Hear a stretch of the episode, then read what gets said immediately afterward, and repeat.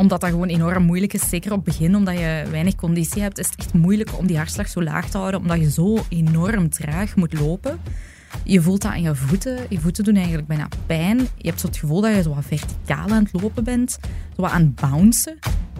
J'arrivais euh, vaille que vaille à courir 2-3 km, mais vraiment l'enfer. euh, à bout de souffle, euh, plus de jambes, euh, aucun intérêt, aucun amusement. euh, Très très difficile. Vous écoutez Startline et soyez prêts parce qu'avant de prendre la ligne de départ, il va falloir s'entraîner et comme le disent nos ambassadeurs, ça fait mal.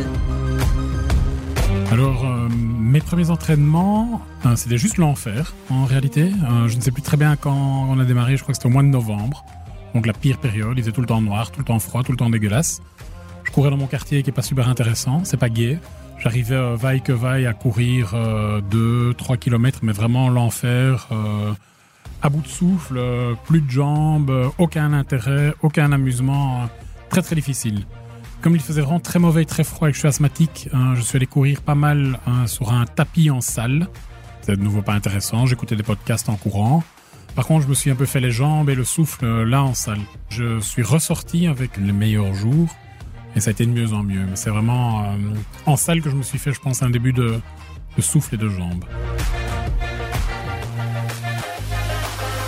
Ils ont un coach et c'est un luxe. Vive les bons conseils, même si Nicolas écoute d'une oreille distraite et remixe à sa sauce. Euh, j'ai commencé à m'améliorer après les premiers conseils de Bart, notre coach, qui m'a convaincu de courir d'abord plus doucement. Ça, ça a été vraiment le début de la solution. C'est que je, je courais trop vite. Un plan d'entraînement, ça se construit en général sur 3 à 6 mois. 3 à 6 mois durant lesquels vous devez rester concentré et même presque dévoué. Et c'est long, très long.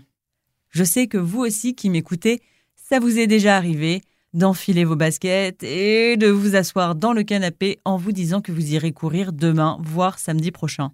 Puis vous commencez à trouver de plus en plus de bonnes raisons pour repousser votre entraînement et la motivation, eh bien, Ouais, mes plus gros obstacles, euh, c'est pas très compliqué pour le moment, ce sont mes genoux.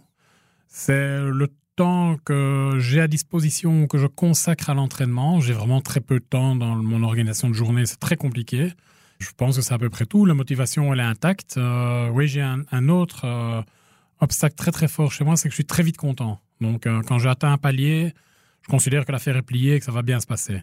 Et donc, je dois lutter contre moi pour repartir, continuer, ressortir. euh, et je suis pas assez régulier, à mon avis. Je devrais maintenant commencer à tout doucement faire trois sorties par semaine et je suis plutôt à deux. Ik herinner mij dat de eerste runs best wel op zich goed gingen.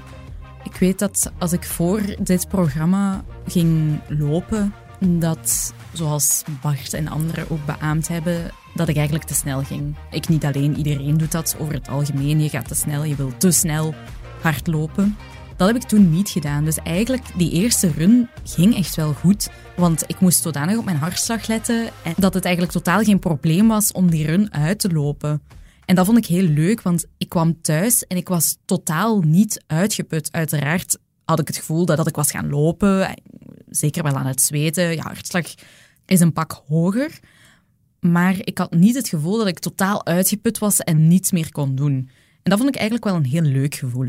Ik heb wekelijks eh, drie trainingen op het programma staan en dat is eigenlijk altijd iets anders. Er zit eigenlijk altijd een relatief korte run in aan een normaal tempo dat, dat haalbaar is. Er zit ook altijd een lange run in aan een iets trager tempo.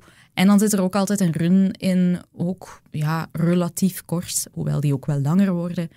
Uh, met intervals, dus spurtjes of een tiental minuten aan een hogere snelheid lopen of een hogere hartslag. Dat is toch wel mijn favoriet. Begin, omdat je weinig conditie hebt, is het echt moeilijk om die hartslag zo laag te houden, omdat je zo enorm traag moet lopen. Dat het bijna wandelen is, dat het bijna meer moeite kost dan snel lopen.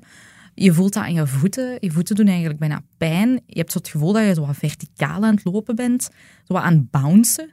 Le soutien du coach, c'est important, mais ça ne suffit pas. J'avais une surprise pour nos coureurs. On commence par qui Liesel Hallo, ik ben Leander Lieselarman. No! Liesel, toen je mij vertelde over Mediafem Moves en de 20 kilometer van Brussel, dacht ik, wow, 20 kilometer, dat is echt wel veel.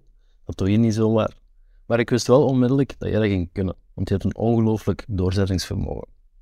En dat heb je tot nu toe in de trainingen ook laten zien. Regen of zon, traag of snel, zin of geen zin, het maakt jou allemaal niet uit. Jij werkt elke training tot een seconde af en dat is echt mooi om te zien. Heel veel succes met de verdere training op de 10 miles en de 20 kilometer van Brussel. Eén ding is zeker, we starten samen, maar wie er eerst over de finishlijn loopt, dat zullen we dan pas weten. Uh. Doei. Ik vind het wel uh, heel grappig, want we hadden het er dit weekend nog over. Mijn man is dus al ondertussen meer dan een maand geblesseerd. Maar zijn doel is ook wel om die 20 kilometer aan Brussel samen met mij te lopen. En ik zei dit weekend, je gaat dat zien hè.